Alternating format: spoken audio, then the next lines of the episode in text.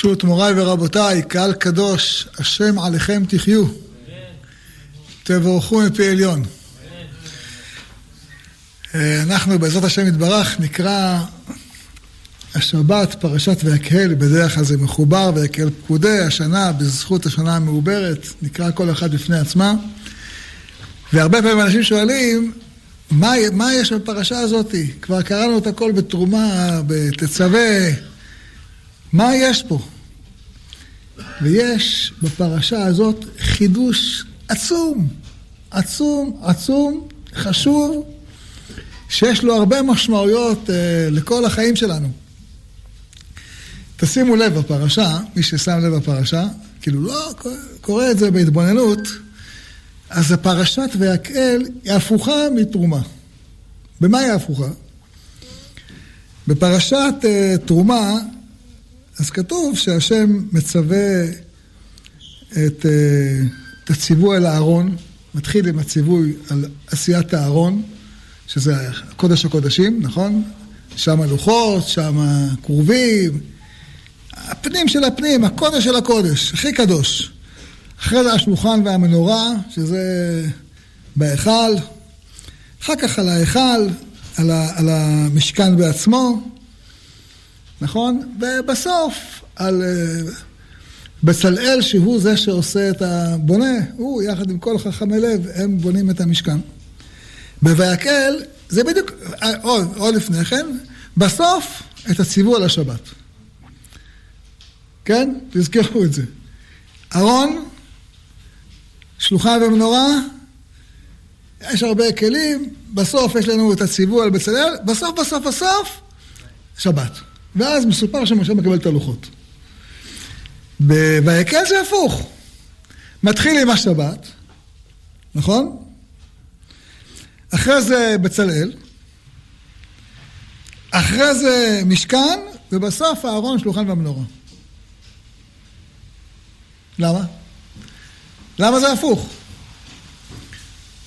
אז אומר הגר"א, זה כמו חותמת, שהיא תמיד הפוכה מהצד השני.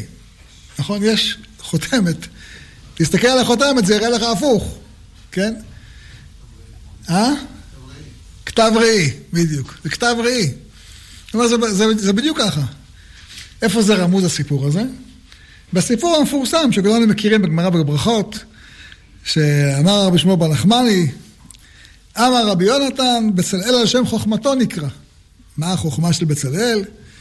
בשעה שאמר הקדוש ברוך הוא למשה, לך אמור לבצלאל לעשות, עשה לי משכן, ארון וכלים, הלך משה והפך ואמר, עשה ארון וכלים ומשכן. הוא מתחיל מהפנים, מהנשמה, כן? אמר לו בצלאל למשה, מנהגו של עולם, אדם בונה בית, אחר כך מכניס לתוכו כלים. ואתה אומר לי, עשה ארון ומשכן, וכלים ומשכן? כלים שאני עושה לך נכניסם. שמא כך אמר לך הקדוש ברוך הוא עשה משכן ארון וכלים? אמרנו, וואי, אתה צודק. אז אור החיים הקדוש שואל, איך יכול להיות? מה, הקדוש ברוך הוא אמר משה הופך? לא יכול להיות. הנאמן בכל בית השם, הוא יהפוך. הוא אומר, זה בדיוק הנקודה. הוא מסביר את זה באריכות בתחילת פרשת תרומה, לא נכנס באורך, אז הוא אומר, מסביר הגר"א, הוא אומר, זה בדיוק העניין. משה מתחיל מהתוכן, מהפנים. כן?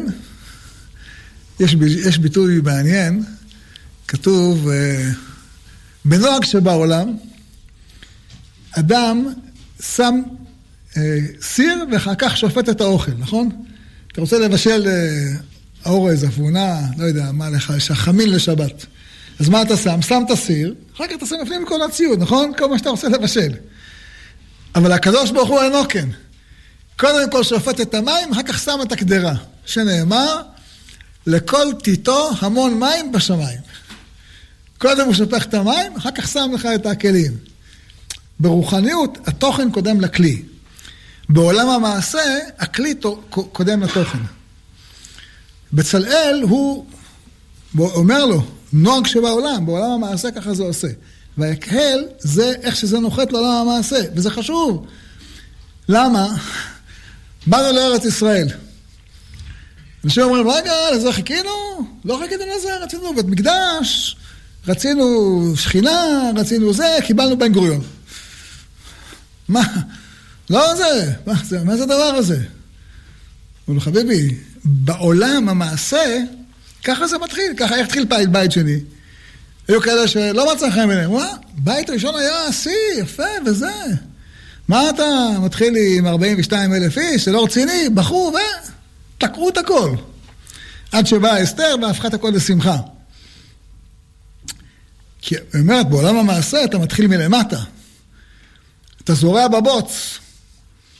בסוף יש לך פירות מהודרים, באים על שולחן מלכים. אבל מתחילים מהכלים ולא מתחילים מהתוצאה. זה ההבדל בין, בין תרומה, שזה מה שנאמר למשה מסיני, לבין יקל ויקל פקודה, שזה איך שהדברים נעשו. שזה עולם המעשה. לכן זה בצלאל, כמו שאמרת, כתב ראי. אה, אנחנו נדבר עכשיו על זה גם בהקשר לעלייה לארץ ישראל, וגם בהקשר לחיים בארץ ישראל, מאוד משמעותי לכל מה שקורה איתנו. כאן בארץ, מעבירים לך חוק כזה וחוק כזה, ואתה אומר, מה... מתקשרים אליי משרד החינוך, עושים בלאגן, רוצים לטשטש את הזהות היהודית של המדינה, מתקשרים אליי ממשרד רופאים, החליטו פה מדינת כל אזרחיה. אנחנו ננצח. בטוח ננצח. אמן. תגיד, אנחנו ננצח. אמן. ברור שננצח. אבל צריכים להילחם, ללבוש מלכות, כמו אסתר. צריך לזכור, מרגע שאסתר לבשה מלכות, 24 שעות המן נתלה. צריכים ללבוש מלכות, לא לפחד, השם איתך, שם צבאות עמנו. מסגד לנו ליעקב סלע, ללכת ככה. לא להיבהל. לענייננו עכשיו, יש דבר מעניין, ממש מעניין, רש"י מביא את זה בפרשת uh, כי תישא. Uh, כתוב, יש... Uh, משה אומר לקדוש ברוך הוא, אני רוצה לראות אותך, הרי אני עד כבודיך. אבל אני לא אוכל לראות, לראות פניי, כי לא יראני אדם וחי. אבל אני אראה לך את אחוריי. זה מדרגה גבוהה. כתוב שבשעה אה, שהקדוש ברוך הוא נגלה למשה, והיה בעבור כבודי, ושמתיך בנקרת הצור. שם אותך בתוך סלע, כוך בתוך הסלע. אבל זה לא מספיק. ושקותי כפי עליך עד עוברי. אני שם חוץ מזה, חסר אותך עם כפי.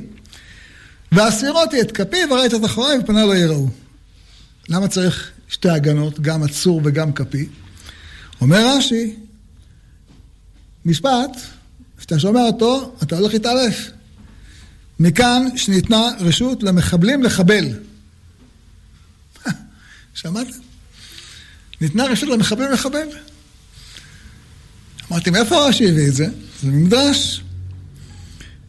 כתוב במדרש רבה, וכן הוא אומר, ולא יכלו הכהנים לעמוד השעות מפני הענן, בשעה שחנכו את בית המקדש. כי מלא כבוד השם את בית השם, מכאן שניתנה רשות למחבלים לחבל. וכן הוא אומר, וסקותי כפי עליך הדוברי, זה המקור השני שאצלנו, וכן הוא אומר, אשר נשבעתי באפי על מלוכתי. אז איפה המחבלים מחבלים? בשיא גילוי שם השם. בבית המקדש, באמצע חנוכת המקדש. שם באים לחבל, כידוע, מה שקרה בימי שלמה. ביום חנוכת המקדש, התחתן עם בת פרעה, כן? באותו יום. אלו סיבות טובות, שהסברו כסיבות מוטעות, כן? וכשאין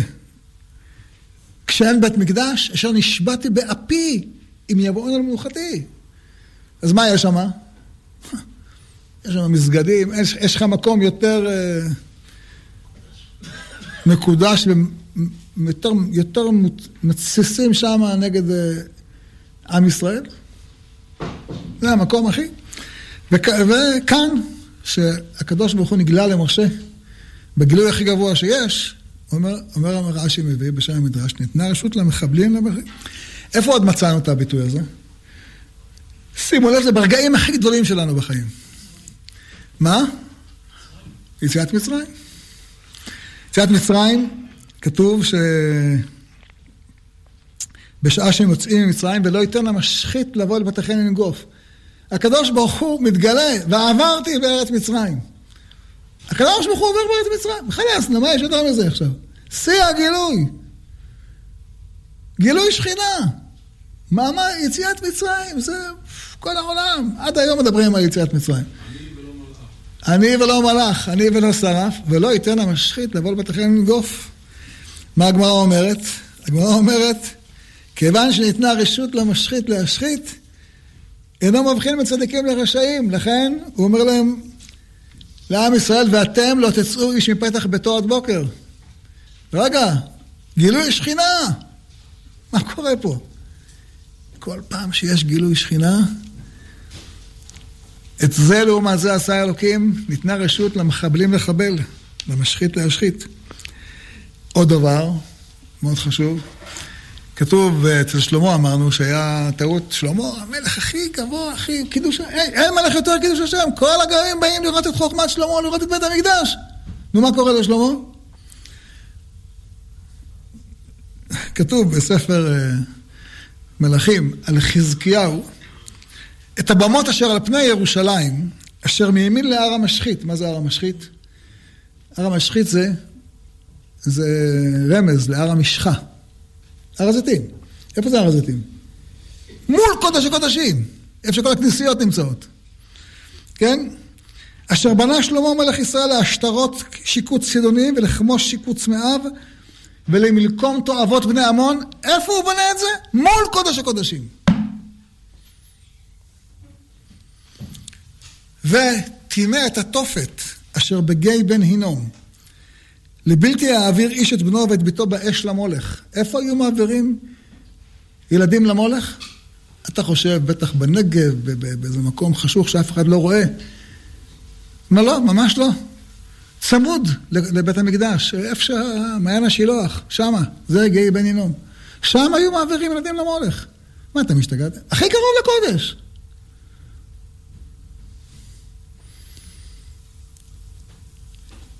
ויש בגמרא כתוב, כולם מכירים, זו גמרא מפורסמת, אה, שבשעה שעזרא מתפלל על סילוק יצר דעבודה זרה, מתפללים שלושה ימים, צמים וזה, התחלתי מהבית שני, נכון?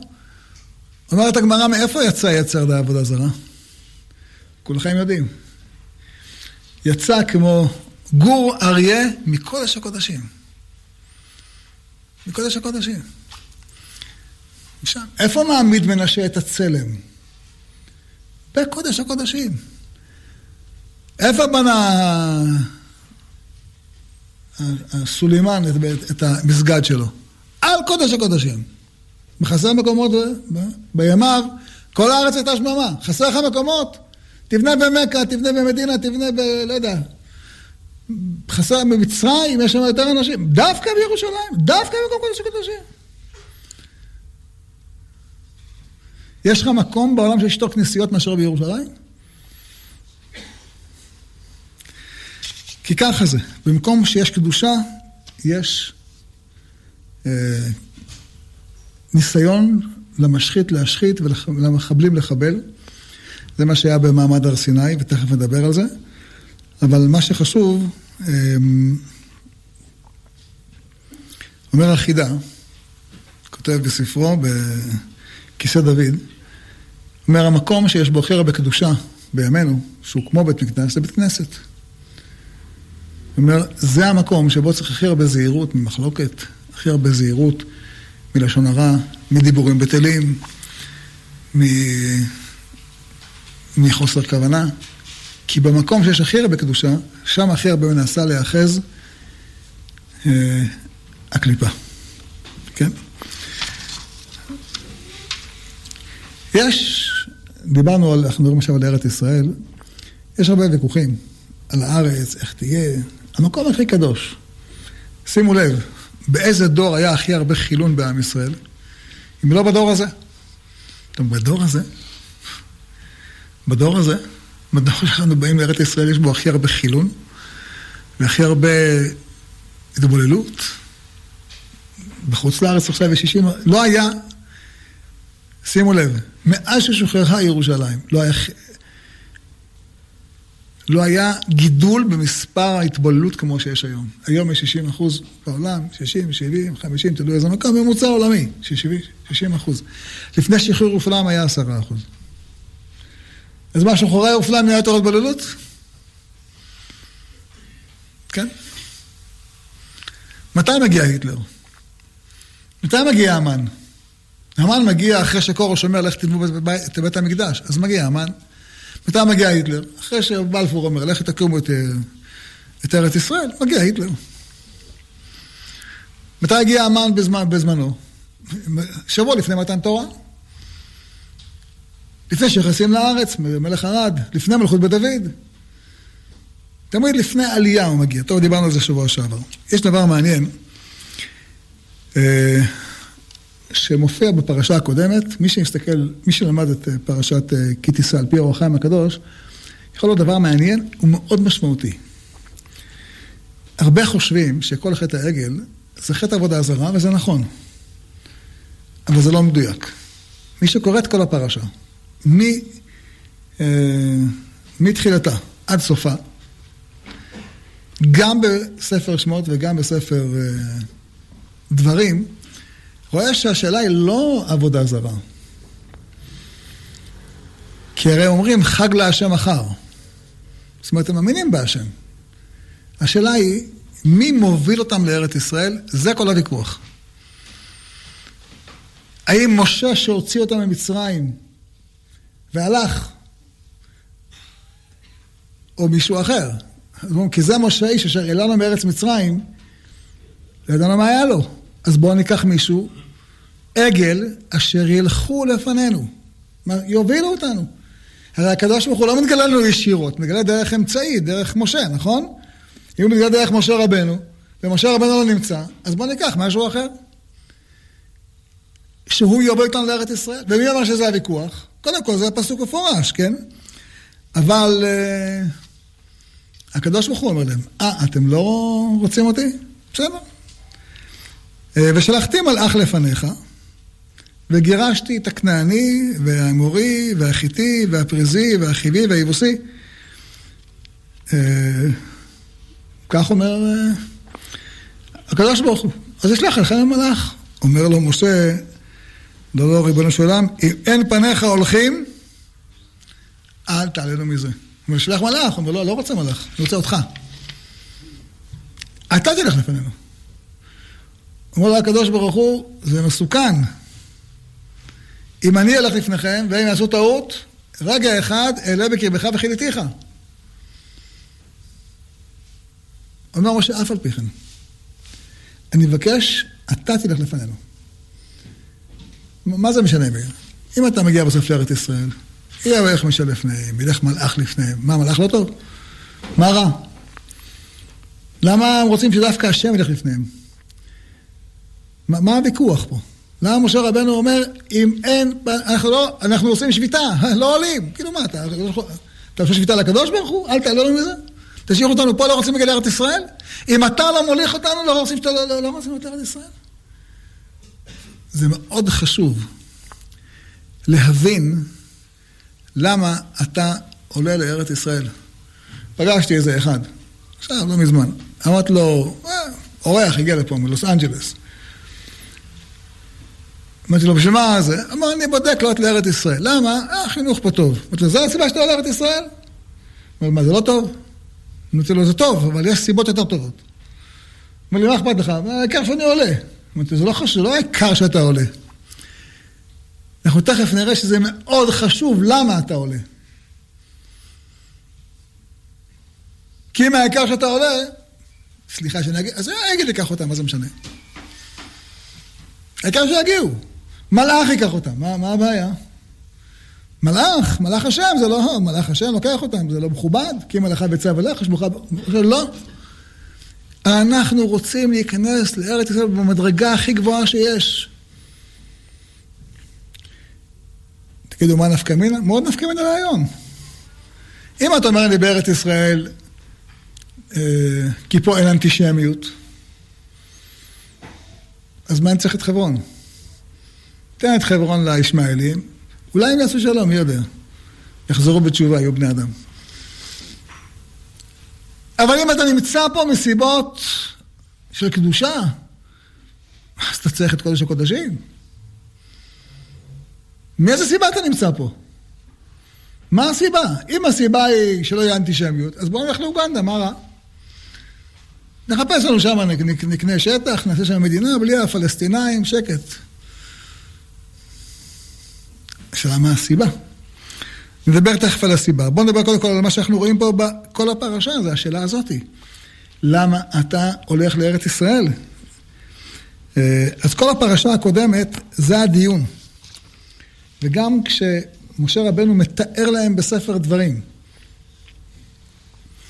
את הסיפור של חטא העגל, איך הוא מתאר להם את זה? אז הוא מתחיל ואומר, שמע ישראל, אתה הולך היום, אה, לארץ, וידעת היום כי השם אלוהיך הוא העובר לפניך. אש אוכלה, הוא ישמידם והוא יכניעם לפניך. ולכן, אם השם מוריש אותם, אם אתה, אם השם הולך לפניך, והורשתם ועבדתם מהר כאשר דיבר השם אלוהיך לך, אתה נכנס עם השם, אז תעשה מה שהוא אמר לך. לא בזכותך, לא בצדקתך בשלום ובך אתה כובש את הארץ. ברור שאתה זה בפועל זה שעושה את זה, אבל אתה לבד היית יכול. איך אומר יהושע לעם ישראל? איך אחד נלחם באלף? וגם בדורנו אפשר אותו דבר לומר. איך ניצח, איך ניצחנו חמישה מאה ומאה רבבה? כי השם אלוהיך הוא הולך לפניך, תדע. יש איזה מכתב של הרבי מחב"ד, שכתב אחרי ששת הימים. הוא אומר, איך ניצחנו ששת הימים? ואיך זה קרה? אלוקים נתן לנו את הארץ. אלוקים נתן לך מתנה, אתה יכול להחזיר אותה? אותו מילים בדיוק הרב אבא, הרב אליהו היה אומר, אלוקים נתן לך מתנה, זה הוא נתן לך. אתה יכול לזלזל בה? מתנת מלך. אתה צריך לזכור מאיפה זה מגיע לך.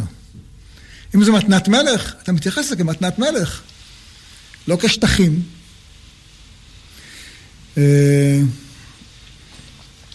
הדבר הזה הוא מאוד משמעותי, מכיוון ש... באמצע התיאור שם בספר הדברים, שהתורה מתארת את חטא העגל, התורה אומרת, אה, ובני ישראל עשו בארות בני הקן מוסרה. שואל רש"י, מה עניין זה לכאן? מה קפצת מנושא לנושא? הרי זה היה בשנת ה-40 וזה היה בשנה, בשנה השנייה. איך קפצת משנת השנייה? רש"י שואל את זה במקום, ומסביר שמת אהרון, נסתלקה השכינה, נבהלו, חזרו שמונה מסעות לכיוון אה, מצרים, ובסופו של דבר אה,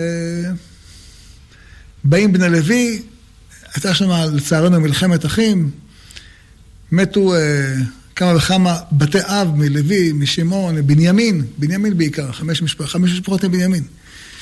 וחוזרים חזרה וממשיכים במסלול. למה? כי אתה, אתה עולה בגלל אהרון? אתה עולה לארץ בגלל, אתה עולה בגלל השם, לא בגלל אהרון. אם אתה עולה בגלל אהרון, הלך אהרון, אין ענייני כבוד, אז אני לא נכנס לארץ. זה לא הסיבה שאתה עולה לארץ, זה לא עולה בגלל ענייני הכבוד. זה לא בגלל אהרון. אתה עולה כי השם רוצה.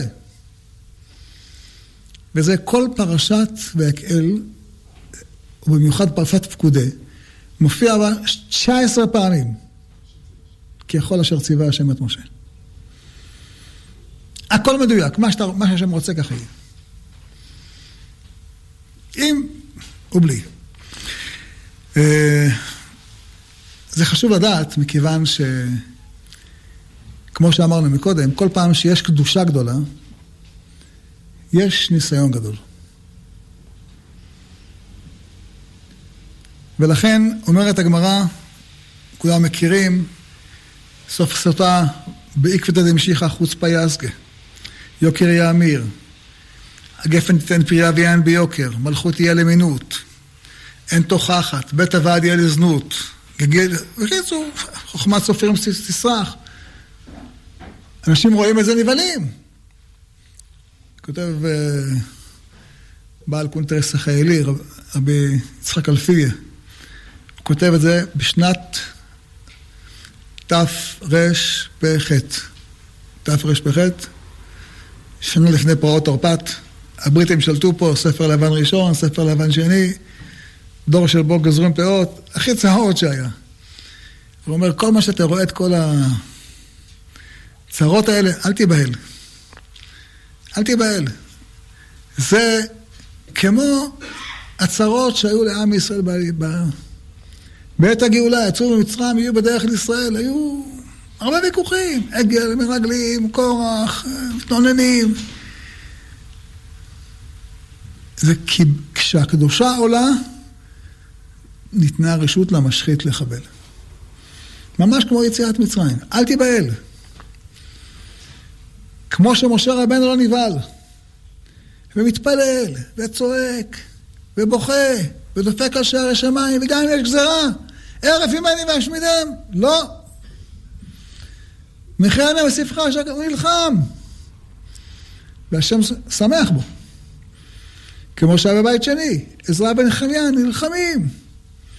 להמשיך, לא להיכנע, לא להיכשל, לא, לא רפיון. כמו מרדכי ואסתר, נלחמים, מתפללים, דופקים על שער השמיים. בסוף מגיעים לגאולה. גם אנחנו צריכים להמשיך באותו דרך. לא להיבהל מהמחבלים שמחבלים.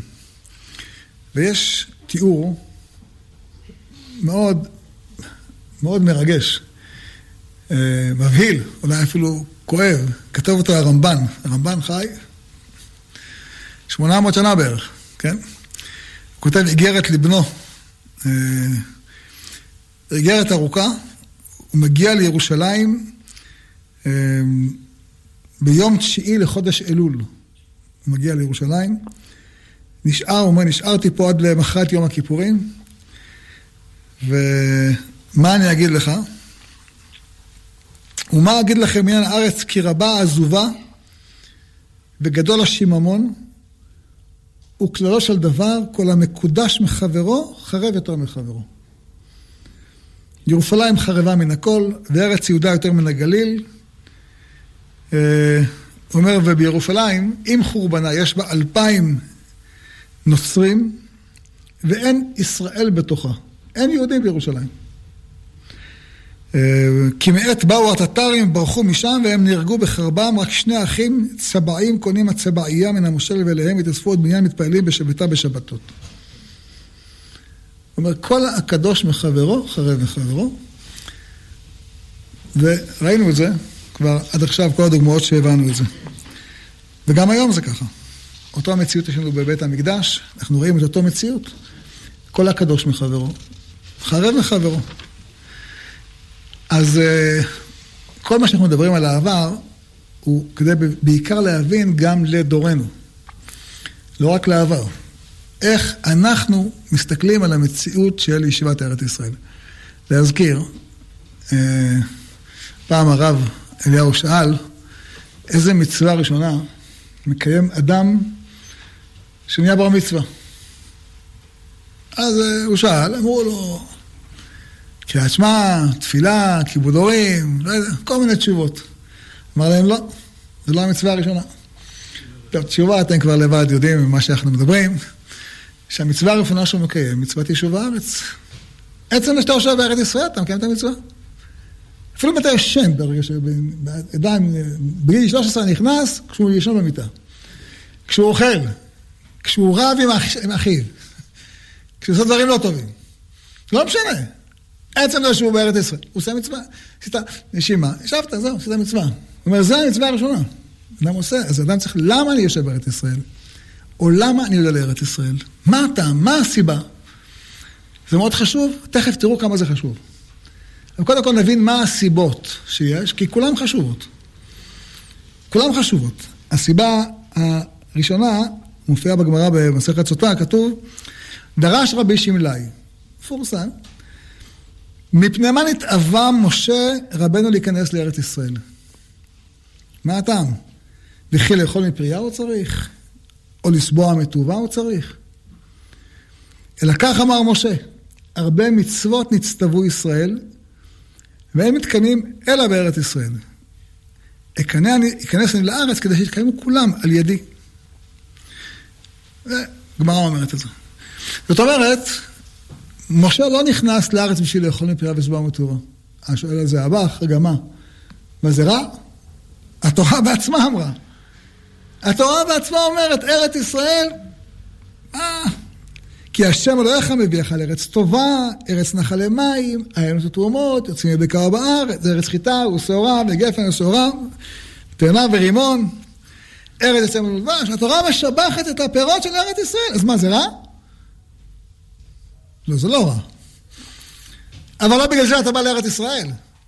זה פיתוי, זה טוב. זה, היא טובה, היא גם טובה, היא גם טובה בפירות. אבל יש סיבות הרבה יותר טובות. עכשיו משהו על הפירות האלה של ארץ ישראל.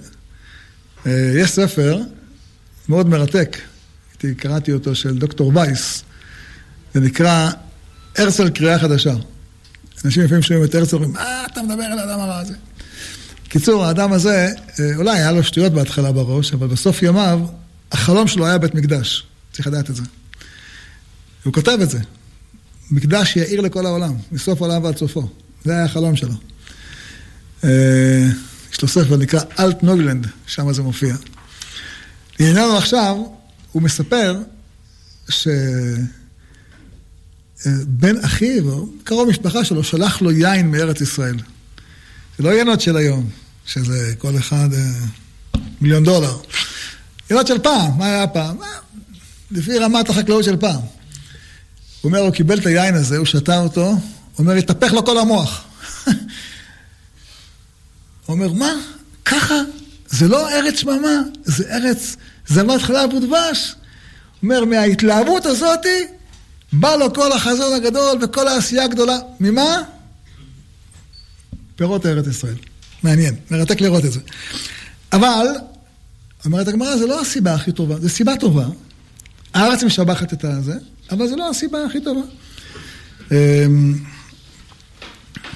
פעם בא אליי מישהו ואומר לי, אתה יודע, הכלכלה בארץ ישראל היא מאוד חזקה. כתוב במפורש, התורה הלווית גורם רבים, אתה עוד תלווה. ותגיד לאנשים, בואו לארץ ישראל, כי פה הכלכלה חזקה. אבל בשביל זה לבוא לארץ ישראל? זו הסיבה, יש סיבות יותר טובות. אמרתי, לא משנה. אם זה מושך את הבן אדם, תגיד לו. תדבר על זה. היה סוחר גדול, כנראה שזה שכנע אותו. כן, שהצביעות יש רק בארץ, אבל יש לנו עשר סיבות. אני רשמתי עשר סיבות, על כולם צריך לכוון לפי דעתי, אבל בואו נמשיך. יש סיפור מפורסם, שכתוב שבאו בני ישראל לשמואל הנביא ואמרו לו, אה, תנה לנו מלך ככל העמים. נכון? ושופטנו. ו... וירא הדבר בעיני שמואל, מאוד לא מצא חן בעיניו. מה פתאום אתם רוצים מלך ככל העמים, כן? אומרת הגמרא, מה רע? הרי יש שלוש מצוות. יש מצווה לשים מלך, שום תשים עליך מלך. נכון? שלוש מצוות נצטוו ישראל כסתם לארץ, להעמיד להם מלך, להכריז זרוף ולעמלק, תמות בתה בחירה. נו, אז מה, מה רע? כן?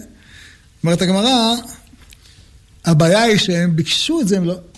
ביקשו את הדבר הנכון לא מהסיבות הנכונות, כן?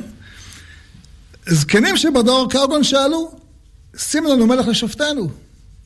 אבל עמי הארץ שבהם קלקלו, שנאמר, והיינו גם אנחנו ככל הגויים, ושפטנו מלכנו, ואצלפנו ונלחם את מלחמתנו. אז uh, שמואל כועס, ומה שקורה בסוף, um, יורד להם גשם. אבל זה מאוד מעניין, מה השם אומר בכל הוויכוח הזה? הם ביקשו מלך מטעמים הלא נכונים. ביקשו את הדבר הנכון, מהטעם הלא נכון. אם לתת להם או לא לתת להם? אני... שאלה. ויאמר השם אל שמואל, שמע בקולם, והמלכת להם מלך. ואז הוא מוצא את שאול וממליך אותו, כן? אבל באותה שעה שהוא ממליך את שאול, כתוב, כולנו מכירים, והלא קציר חיטים היום, אקרא אל השם ועיתון קלות ומטר, ודעו וראו כי רעתכם רבה, אשר עשיתם בין, בעיני השם ישאול לכם מלך. אז טוב או לא טוב? אם טוב, אז למה שירד להם גשם בימי קציר חיטים? אם לא טוב, אז למה הבאת להם מלך? התשובה, זה טוב, לא מהטעם הנכון, כן? וכך קורה, יורד להם גשם באמצע קטיר חיטים, וירא כל העם מאוד את השם ואת שמואל. אה, ויאמרו כל העם אל שמואל, התפלל בעד עבדיך אל השם אלוהיך, אבל נמות, כי אספנו חטאתנו רעה, יש לנו מלך. אז מה שמואל אומר להם? מה היה צריך להגיד להם עכשיו? עשו תשובה, מה צריך להגיד להם? אמרתי לכם. לא אמר, אמרתי לכם. ויאמר שמואל לעם, אל תיראו, אל תפחדו.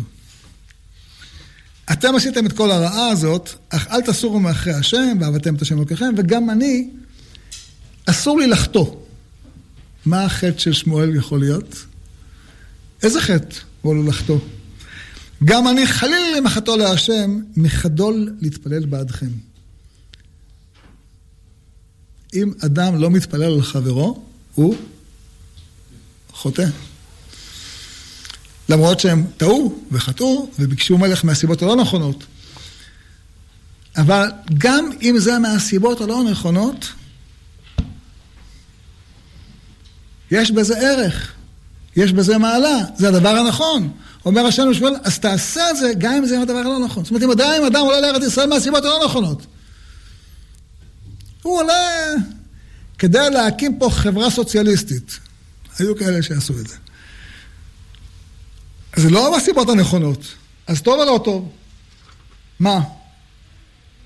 יש uh, מאמר שכותב הרב קוק בזמנו. הוא אומר, יש כאלה שעולים לארץ ישראל, אבל לבושים צועים אנחנו מלבישים את בן המלך.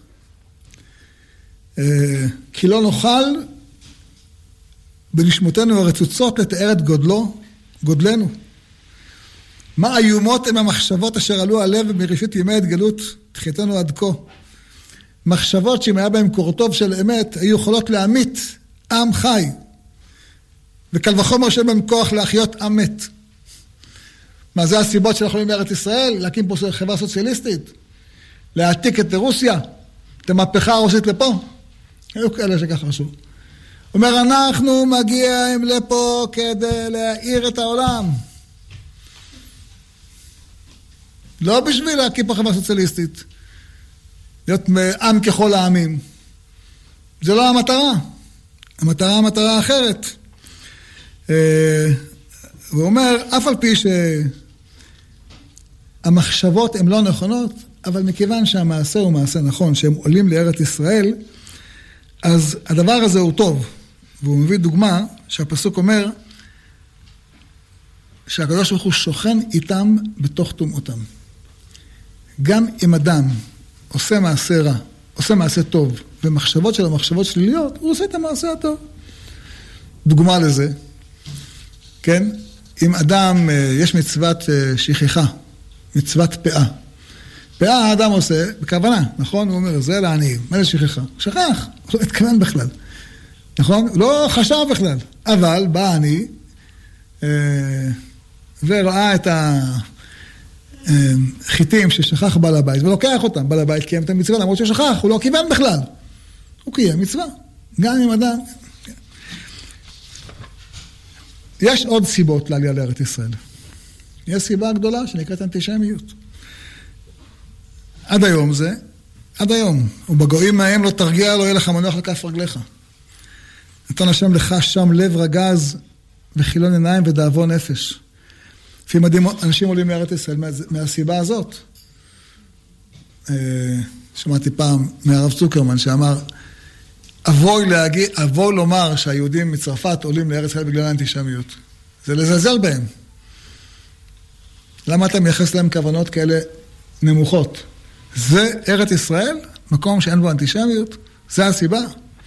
ברור שיש בו הרבה פחות אנטישמיות מאשר בכל מחר, מקום אחר בעולם.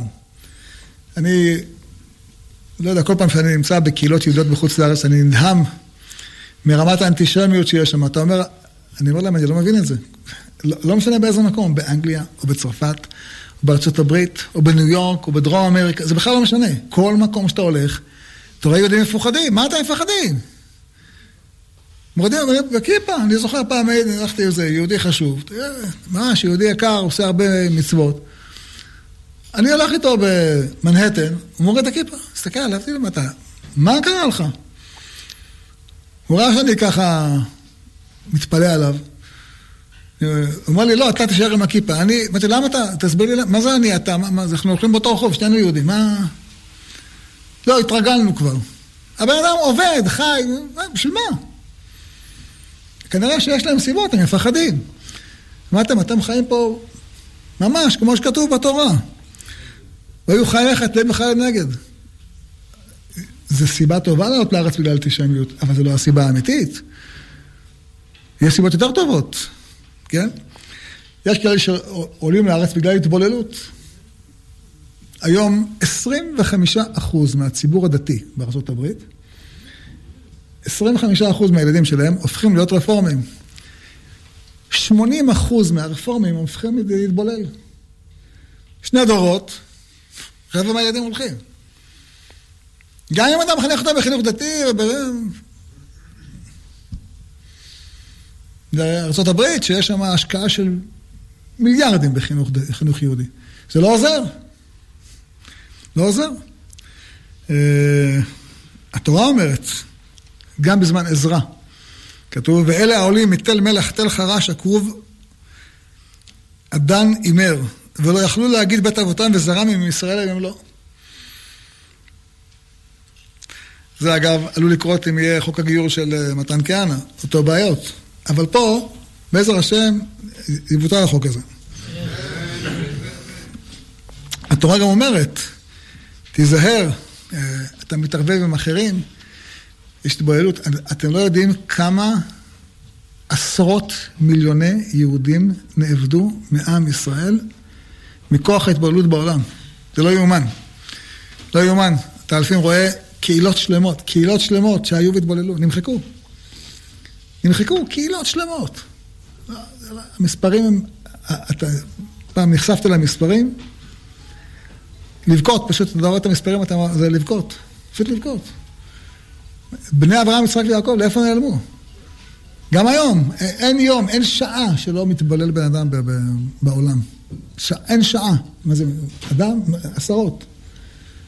אנשים צדיקים, חכמים, נבונים, פיקחים.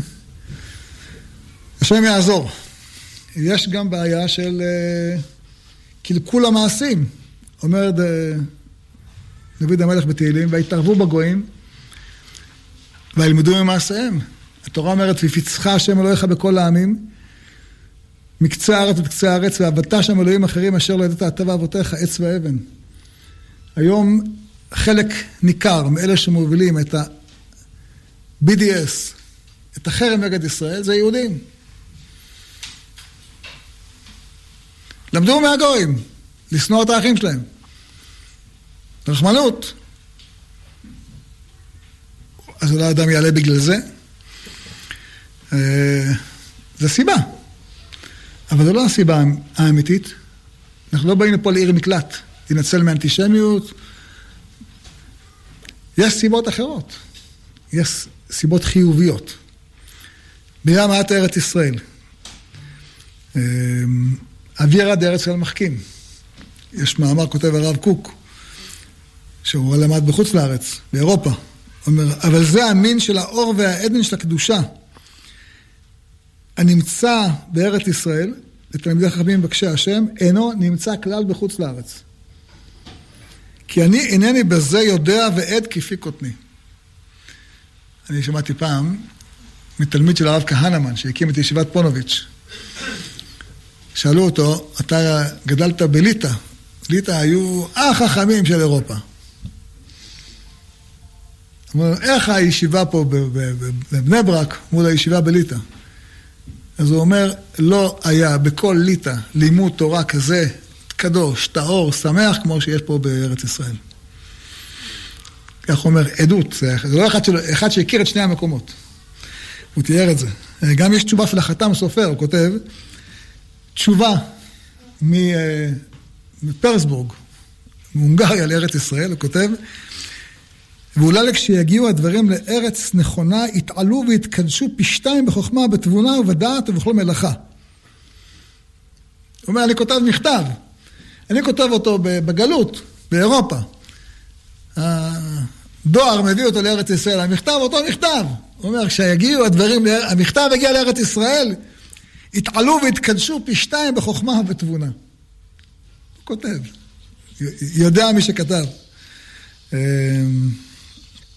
הגמרא מספרת על רבי זרע, שהוא אה, מעיד על עצמו. הוא אומר, אני פעם פסקתי הלכה ככה, הגעתי לארץ ישראל, הבנתי, טעיתי, באתי פה, הבנתי את הטעות שלי. אומר, אווירה דארץ ישראל מחכים, שמע מן אווירה ישראל מחכים. אז זו עוד סיבה, זו סיבה חיובית, לא סיבה שלילית.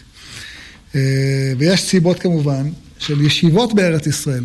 הגמרא אומרת, אין תורה כתורת ארץ ישראל ואין חוכמה כחוכמת ארץ ישראל. יש לזה סיפור, אני לא יודע אם יש לנו זמן, אבל אה, פעם היה מעשה עם הרב עליו השלום, הרב אבא, שהיה פעם בשיעור בארצות הברית, באיזו ישיבה גדולה, לא נזכיר את שמה, והיה שם אחד שאהב להתנצח. תמיד חכם גדול, בקיא וזה, והרב נתן שם שיעור, ותוך כדי שיעור הוא ככה אומר, יש לי שאלה. הוא אמר לו, תשאל, מה השאלה? הוא אמר, יש לי שאלה קשה מאוד לשאול אותך. היא תפרק לך את כל השיעור, אבל אני לא רוצה להעליב אותך, אז אני לא שואל. מה תענה לאדם כזה? טוב, תשאל. הוא לא שואל, הוא מכבד, הוא לא שואל.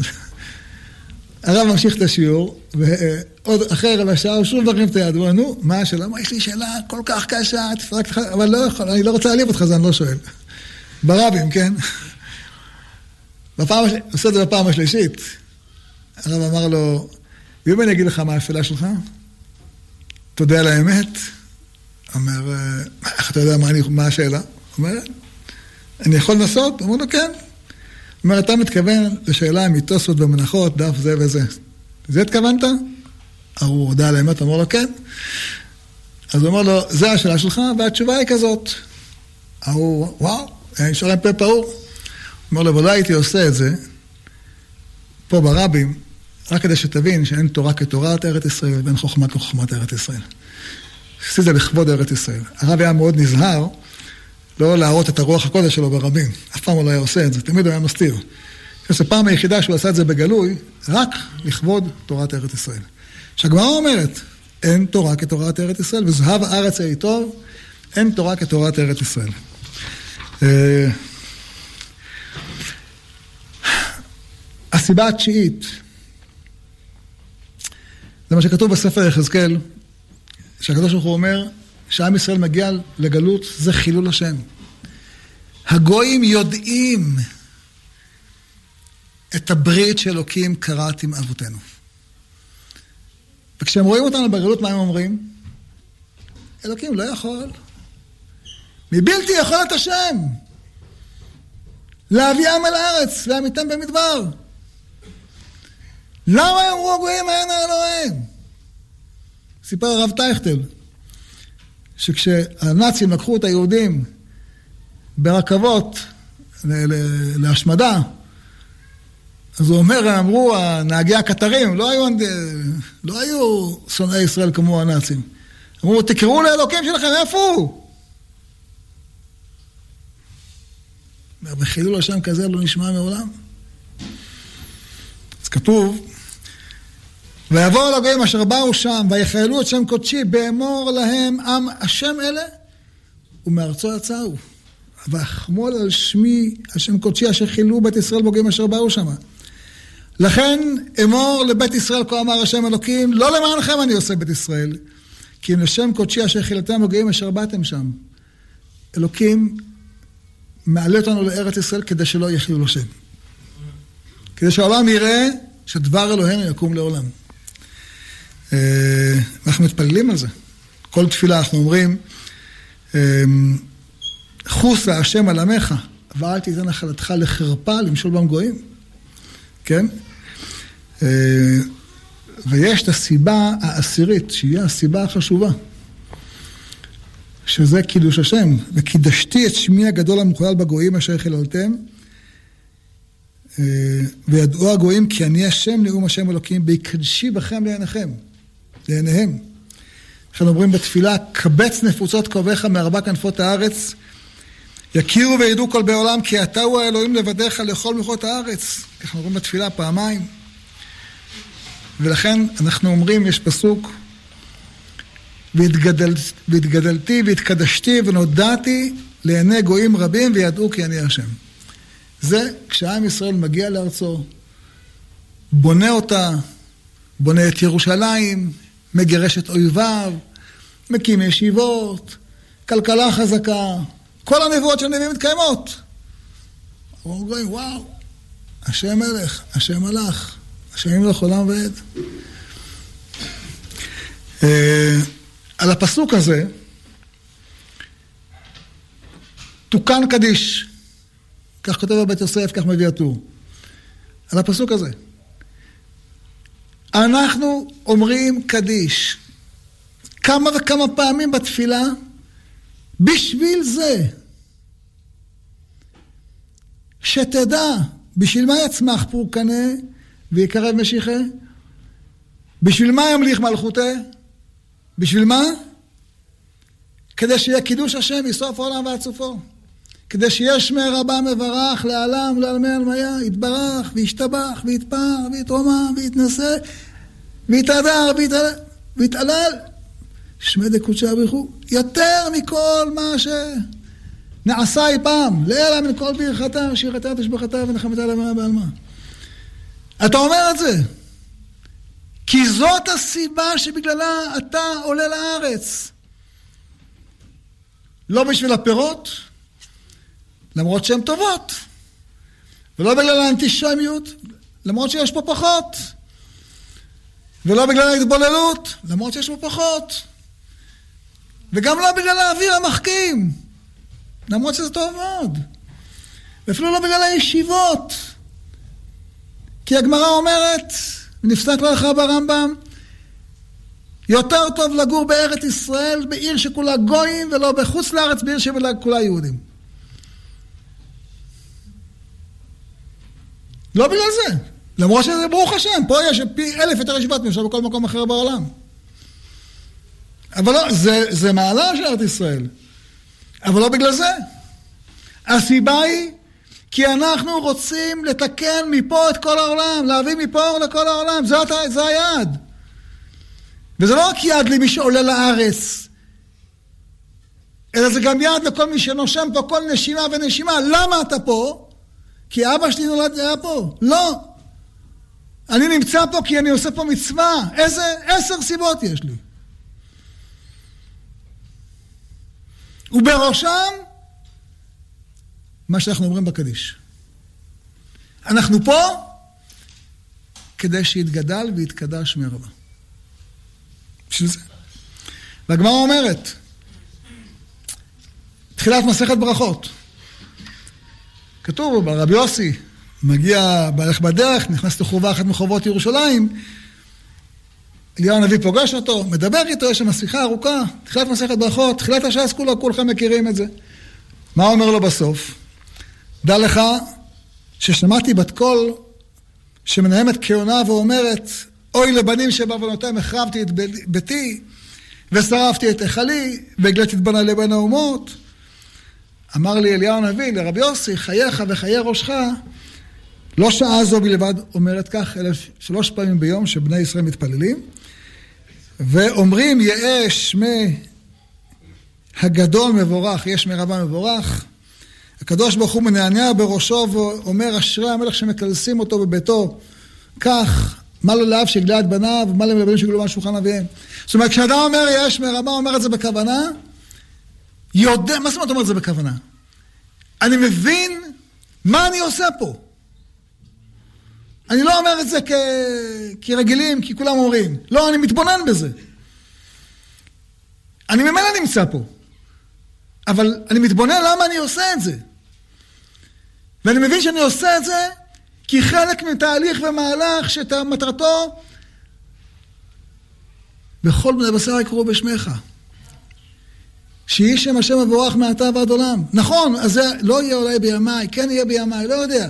אני חלק מתהליך שבסוף זה יהיה, כשזה יהיה, אני חלק ממנו. אני חלק ממנו. ואתה אומר את זה בכל תפילה כמה וכמה פעמים. כי כשאדם אומר את זה בכוונה, אומרת הגמרא, העולם עומד על זה, על הכוונה שלך. ואומר המדרש, שכשבני ישראל נכנסים לבתי כנסיות ובתי מדרשות אומרים יש מרבה, מברך, מבטלים גזרות קשות. אתה כבר בבית כנסת, אתה כבר אומר יש מרבה, תאמר אותו בכוונה. מביא הבית יוסף בשם המדרש שמבטל גזרות קשות בשם רבי ישמעאל, רבי ישמעאל בן אלישע, מפורסם. אה, ועוד מביא הבית יוסף מהזוהר, פרשת תרומה. אומר, הקדושה הזאת שאתה אומר, אה, היא עולה בכל סיטרין לעילא ותתא, ובכל סיטרא מהימנותא, ותבר מנעולין, וגושפנקא דפרזלא, וקליפין בישין. זה מרסק את כל הקליפות הקשות. זה שאתה אומר את זה בכוונה. זאת אומרת, אתה מודע למה שאתה עושה. אתה מתבונן במה שאתה עושה, לא מצוות אנשים מלומדה. עוד הוא אומר, אה, וכשכל הקליפות האלה נשברות בקדושה הזאת, ונשבר חלד דסיטרא אחרא, שמו של הקדוש ברוך הוא מתקדש בעולם, והוא זוכר את בניו, והוא זוכר את שמו, ושמו עולה הרבה מעלות והרבה מדרגות. אמ, אומר הבית יוסף, ומכאן יש להתבונן כמה יש לכוון בקדיש וכמה יש להשתדל לענות אותו. הוא מביא סיפור מהזוהר, שאין זמן לומר אותו, אבל אני אומר אותו ככה בקיצור, שרבי חייא ורבי אבא היו בבית מלון, באושפיזה, והם קמו לעשות תיקון חצות בלילה וללמוד תורה. ומדברים על כך שהתורה היא אור, ולומדים, ופתאום שומעים בכי מאחרי אה, הקיר. מסתבר שאחרי הקיר הייתה אז ילדה, נערה, ובוכה. אה, וכשהיא בכתה, כנראה בכתה בקול, אבא שלה התעורר, ובא ישב לידה.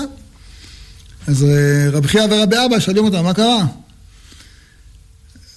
אז היא אומרת שהיא התחתנה עם מישהו, אה, ומסתבר שהוא אפילו לא יודע להביא ברכת המזון, והיא מצטערת, ויש לה צער מזה. אז הוא שואל אותם, למה... אומר רבי יוסי, תגיד, למה, אז למה התחתנתי איתו? אז הוא מספר שיום אחד אה, הם רואים אותו רץ לשמוע קדיש, כן?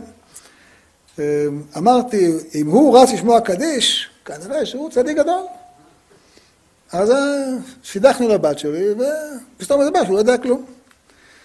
אה, אז הוא אמר להם, רבי יוסי, אולי יזכה, ללמד באחרית הימים, אולי הבן שלו יהיה. תוך כדי, תוך כדי שהם מדברים, אומר, את, אומר הזוהר שהוא הגיע, החתן.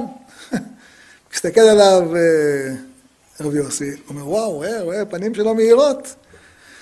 אמר לו, או, אולי תזכה להיות תלמיד חכם, אולי זה. אז הוא אומר לו, אני יכול לומר על זה משהו? הוא אומר, תגיד. ואז הוא שואל שאלות ב... בדברי תורה, פתאום מסתבר שזה אחד מגאוני הדור. יש שם תיאור ארוך בזוהר, מה שהוא מדבר איתם, מה שהם עונים לו. אז הוא אומר לו, מי אתה? הוא אומר לו, אני באתי מבבל, אני הבן של הרב ספרא, קיבלתי על עצמי לא, לא לדבר חודשיים. אני בא מחוץ לארץ, לארץ ישראל, אני צריך קצת זהירות, לא לפתוח פה, אולי לא לומר דברים לא נכונים. והנה עכשיו עברו החודשיים ואני התחלתי לדבר. אה, זה סיפור מופיע בזוהר, מביא אותו על בית יוסף בהלכות שלו. הוא אומר, תראה מה זה כשאדם מבין מה זה קדושת ארץ ישראל. יש איגרת שכותב הרב קוק, אני לא יכול לקרוא את כולה כי הזמן קצר, אבל הוא כותב, יסוד הגלות והשפלות הנמשך בעולם בא רק ממה שאין מודיעים את ארץ ישראל, את ערכה וחוכמתה, ואין מתקנים את חטא המרגלים שהוציאו דיבה לארץ בתשובת המשקל, לבשר, להגיד ולבשר בעולם כולו, הודה והדרה, קדושתה וכבודה. והלוואי שנזכה אחרי כל ההפלגות האלה מצידנו להביא אף אחד, חלק אחד מרבבה, מחמדת ארץ חמדה, ומהדרת אור תורתה, ועילוי אור חוכמתה, ורוח הקודש המתנוסס בה. הלוואי אחרי כל מה שנתאמץ להגיד אחד מרבבה. כך אתה מתקן את עניין של ארץ ישראל. אנחנו ברוך השם חיים בארץ ישראל. שנבין איזה זכות יש לנו, איזה מעלה יש לנו. שנרקוד להשם כל היום בשמחה על הזכות המופלאה שאנחנו נמצאים פה. ויהי רצון שנזכה לתקן את הקלקול הזה, ולדעת לשמוח במעלת ארץ ישראל, אמן ואמן. רבי חניה בן הקשה אומר, רצה הקדוש ברוך הוא לזכות ישראל, לפיכך